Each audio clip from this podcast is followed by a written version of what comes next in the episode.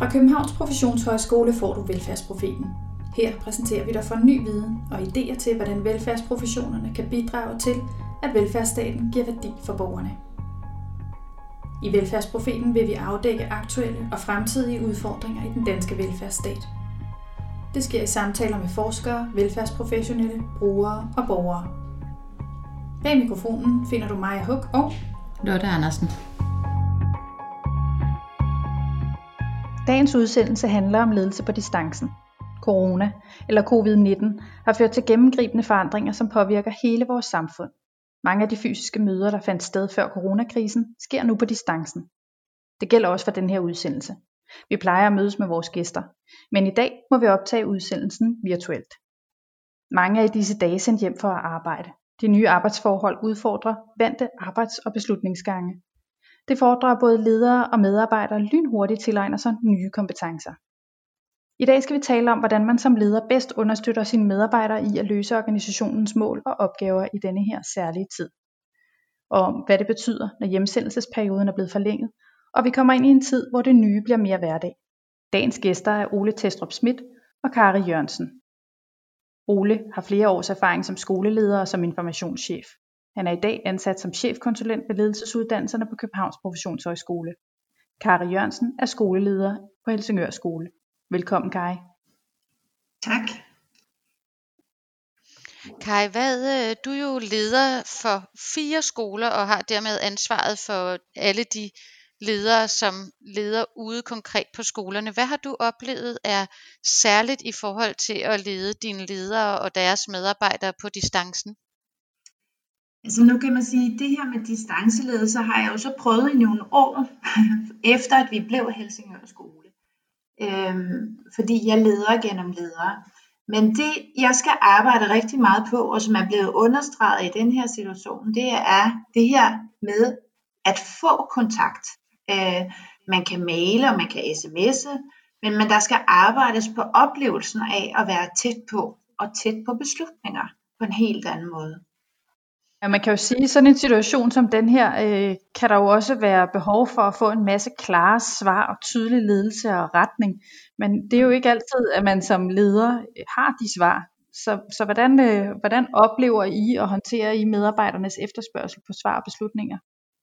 Så det, så det er jo ikke noget nyt i, at, man, at vi skal balancere vores kommunikation. Det har vi altid skulle, og det skal vi altid gøre.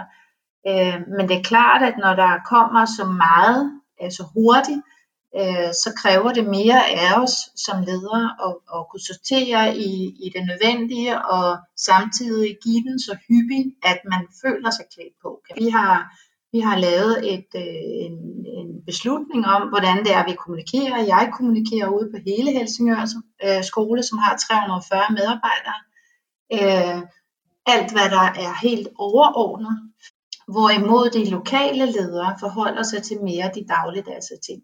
Så jeg tror, at hvis man skal skabe ro omkring det der, så skal medarbejderne vide, de skal opleve, øh, og de bliver nødt til at opleve, før de ved. Så de bliver nødt til at mærke, at vi har en praksis, hvor vi informerer, og at de kan føle sig rolige øh, ved, at de får besked, når det er.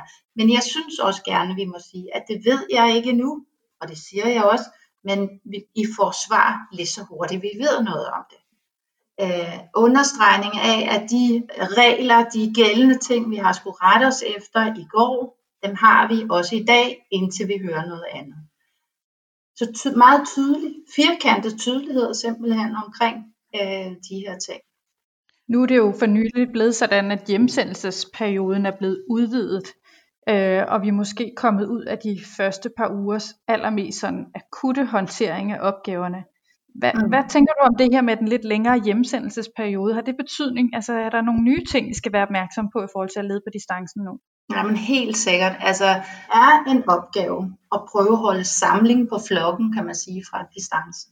Og der er det jo det der med at ringe sammen, tale sammen, skype sammen. Altså det at mødes på den måde, vi nu kan mødes og være meget tæt på. Så det jeg oplever, der er behov for, det er en helt anden tæt opfølging og tæt kontakt, end måske vi normalt har på den her måde. Så egentlig er man tættere på, man er mere på som leder, end man måske er i det daglige dybest set.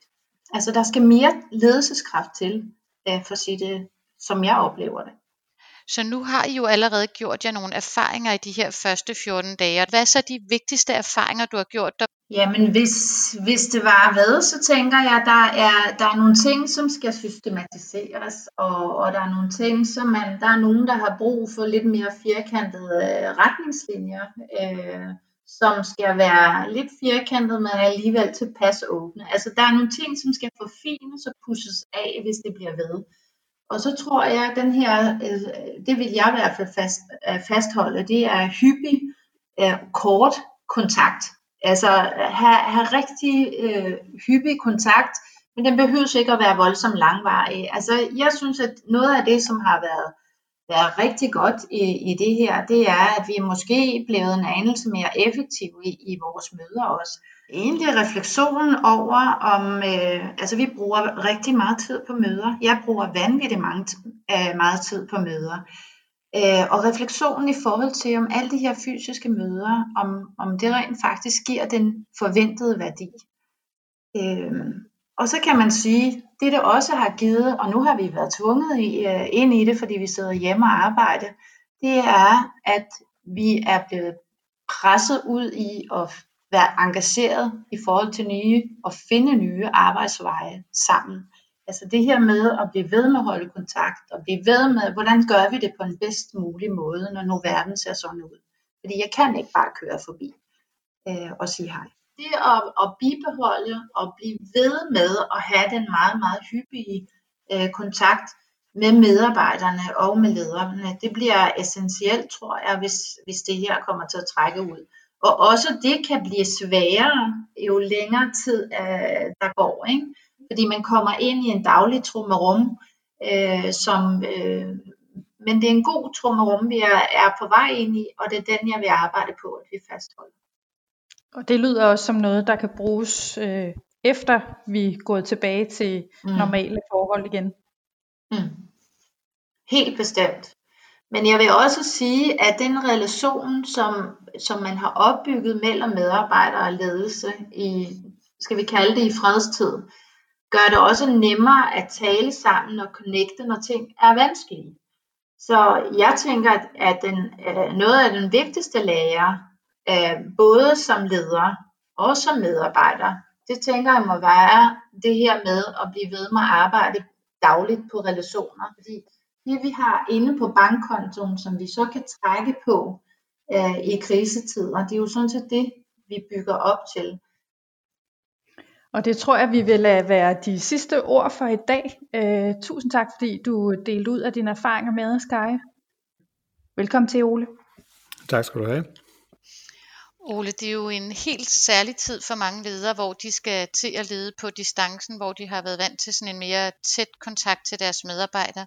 Hvad er det, der er så særligt ved at lede på distancen? Jamen, jeg tror, den, den situation, vi har set øh, i de sidste par dage, den har, den har ligesom delt op i, i flere faser. Første fase, det er jo, øh, det er jo her, hvor at der er nogle feberredninger. Øh, de hurtige beslutninger, de skal træffes. Og, og når man er der, og ikke kan se sine medarbejdere i øjnene, når man skal træffe hurtige beslutninger, så handler det jo noget omkring, hvordan man anser og anskuer sine medarbejdere til at, at tage imod de beslutninger, der kommer. Så jeg, jeg tror, at noget af det, det handler mest om, hvordan er det, at lederen ser sine medarbejdere øh, når man ikke er i stand til at se dem til dagligt? Hvordan ser man dem på distancen? Og er der noget, man skal være særlig opmærksom på som leder i sådan en situation, hvor man ikke har den samme tætte kontakt til medarbejderne? Jeg tror i hvert fald, at man som leder skal være opmærksom på sig selv. Altså og lige mærke efter, hvor er det, at jeg har mit, øh, mit ledergen? Øh, hvor er det, jeg har et behov for kontrol? Hvor er det, jeg har et behov for at sikre mig, at ting sker, når jeg ikke kan se det? Og det kan være sådan en faldgruppe, hvis man, øh, hvis man, hvis man er lidt i den boldgade, som hedder, jeg har brug for kontrol. Øh, fordi medarbejderne, de, er, de forstår den situation, som, øh, som vi befinder os i nu.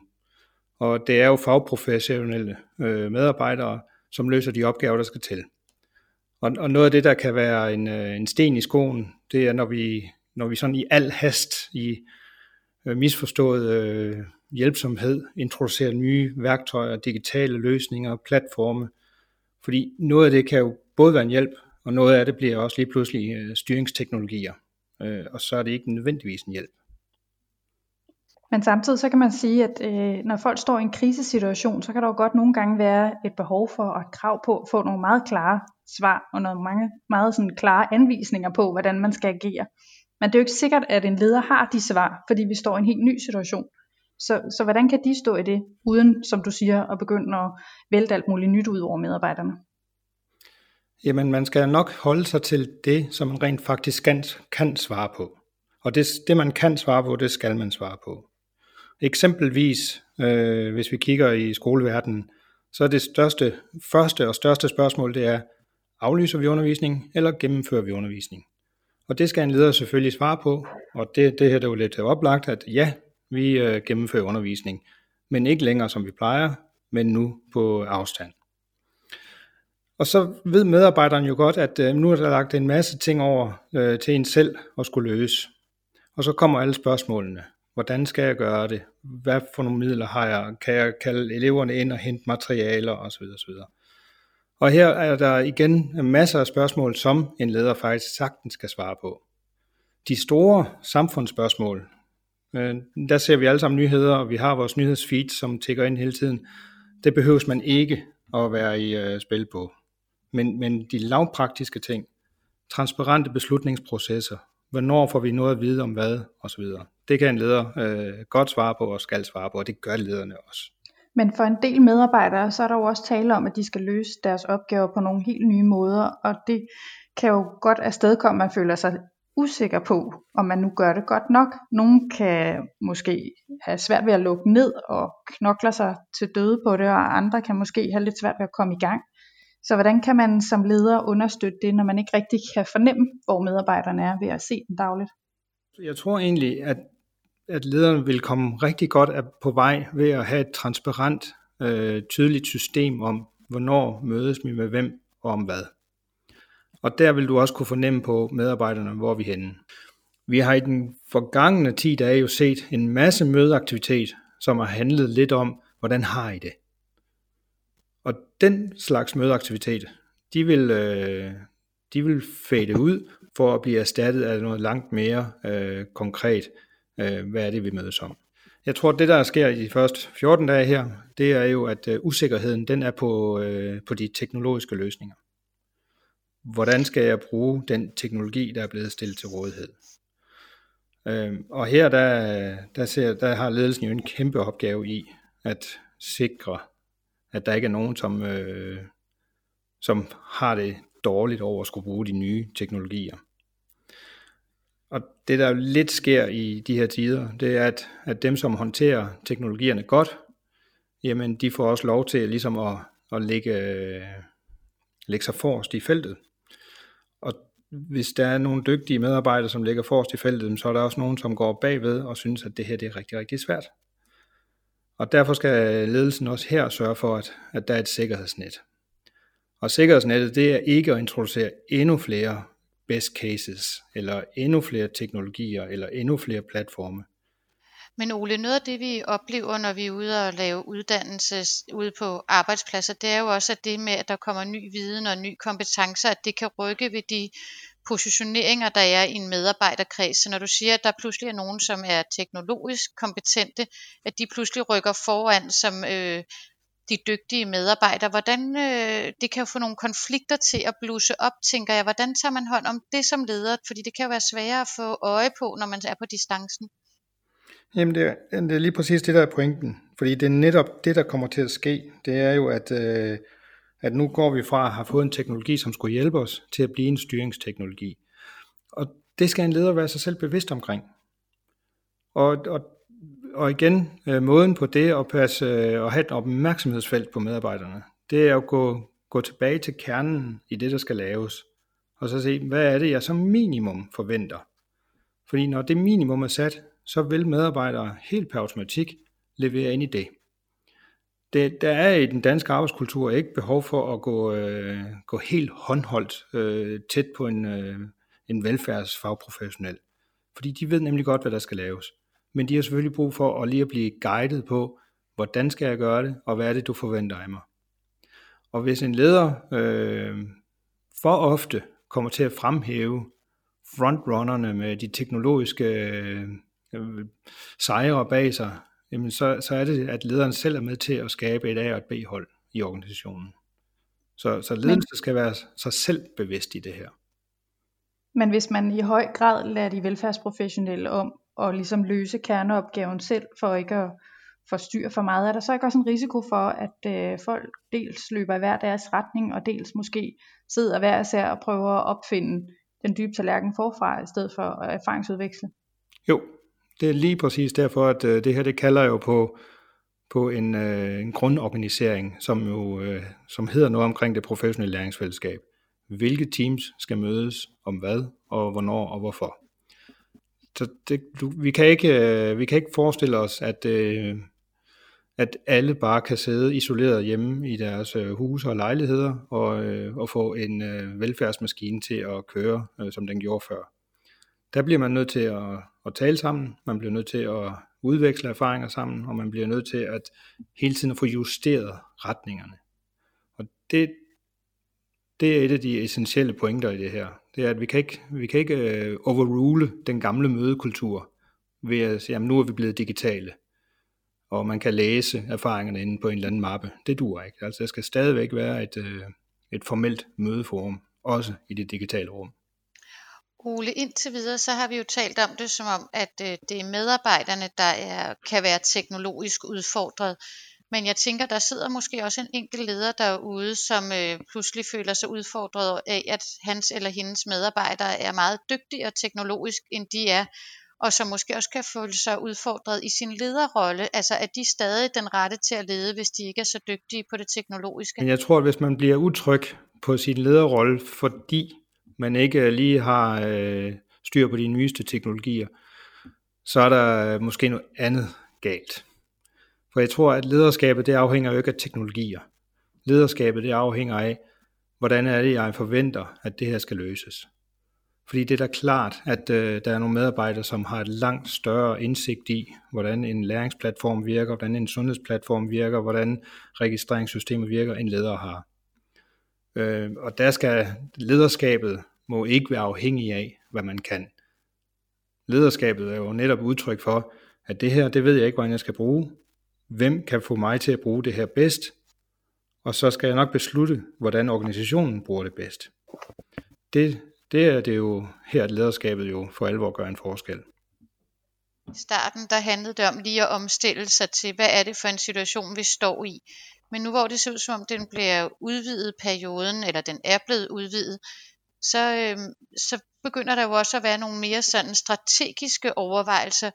Og hvordan øh, får man dem slået igennem i sin organisation. Jeg synes, en af udfordringerne, når man mødes øh, virtuelt, man kan godt mødes i de mindre team, men det er sværere i de store team. Hvordan sikrer man sig, at alle øh, trækker på samme hammel, eller hvordan man skal udtrykke det? Jamen her der tror jeg, at det handler om, at øh, ledelse øh, er øh, bevidste om at have en transparent øh, beslutningsarkitektur. Og, og det betyder jo på bund og grund, at man, øh, man fortæller sin organisation, at når vi træffer beslutninger i, i den kontekst, vi er i i øjeblikket, så foregår det sådan, sådan og sådan. Og, og der er, altså selve beslutningen er, øh, er jo varieret fra problem til problem eller udfordring for udfordring, men måden man træffer beslutninger, den er transparent for medarbejderne. Og når du har sådan et system, så, øh, så ligger der igen i den danske medarbejderkultur en fuld forståelse af, jamen jeg behøver ikke at have fingeren med i alle beslutninger, jeg har bare brug for at forstå, hvordan den beslutning den er kommet. Så, så øh, her der har lederne øh, en, en stor udfordring i at få gennemskuet, hvad er det egentlig, den, hvad er den rette måde for mig at træffe beslutninger på, nu her hvor jeg skal til at langtidsplanlægge. Og, og det kan både være på, øh, på noget helt lavpraktisk som vagtplaner, men det kan også være i en noget større kompleks verden, som øh, at skulle, skulle se langt ud i fremtiden på det her. Ja, for jeg har hørt fra både socialrådgivere, lærere og andre velfærdsprofessionelle, der arbejder hjemmefra, at de sådan her i starten har egentlig udtrykt ret stor tilfredshed med, at de arbejder med deres kerneopgaver, og hvis de støder på noget akut, så kan de altid få fat i deres ledere på telefonen. Og det lyder jo meget fint. Nu strækker det sig længere ud i tid. Så hvad er det, der kommer til at blive vanskeligt på den lange bane. Tiderne skifter, og mentaliseringen skifter. Så når at, øh, at det her det kommer til at trække længere, end vi forestillede os skulle være 14 dage, så begynder der at dukke nye ledelsesudfordringer op. Og det bliver lige præcis den her, jamen, hvordan er det, vi holder dampen op i det maskineri, vi har kørende. Og har du nogle gode råd der? Hvordan gør man det? Ja, det handler om opfølgning. Det handler om feedback på de opgaver, der bliver løst. Så hvad er det for nogle aktiviteter, medarbejderen laver? Hvordan er det, man øh, drøfter det med ledelsen? Hvordan er det, ledelsen giver feedback på det? Altså i udgangspunktet, så øh, skal man i hvert fald lige tænke, at medarbejderne de løser den her. Det behøver jeg ikke at kontrollere, fordi det gør de selvfølgelig. Øh, men det jeg skal hjælpe med, det er jo at orkestrere øh, den organisering, der skal være bagved, at medarbejderen kan løse opgaven. Og det kræver jo så, at, øh, at man jo øh, får sendt nogle ret tydelige signaler på, at det her team skal mødes om den her opgave, og I skal mødes sådan og sådan. Og jeg som leder mødes med jer øh, på de her tidspunkter, hvor alle de her med, og på andre tidspunkter, hvor det er en færre gruppe, og nogle gange, hvor det er en til en. Fordi vi, øh, den her situation så gør jo ikke, at lederen og medarbejderne ikke længere er i dialog. Det her kommer bare en situation, hvor at lederen skal finde en øh, ny måde at være i dialog med den enkelte medarbejder. Og det er, jo, øh, det er jo her, når vi er på den anden side af, af de første dages feberredninger og kriser, jamen så skal det begynde at, at sættes i system. Sådan så at medarbejderen ved, jamen hvornår er det, jeg mødes med min leder, hvornår er det, jeg mødes med mit team, hvornår er det, vi har fælles samlinger i organisationen, hvornår er det, jeg er i kontakt med borgeren, og hvordan er jeg det, osv. Så, så de elementer, som man kender fra, fra den almindelige organisering, de skal i spil også i den digitale organisering. Hvad er de tre bedste råd til ledere, der nu skal lede på distancen øh, i en fortsat hjemsendelsesperiode?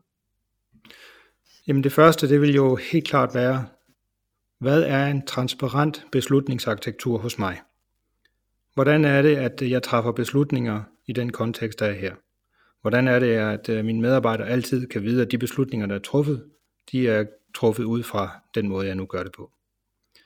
Det vil være råd nummer et, og det største af dem alle.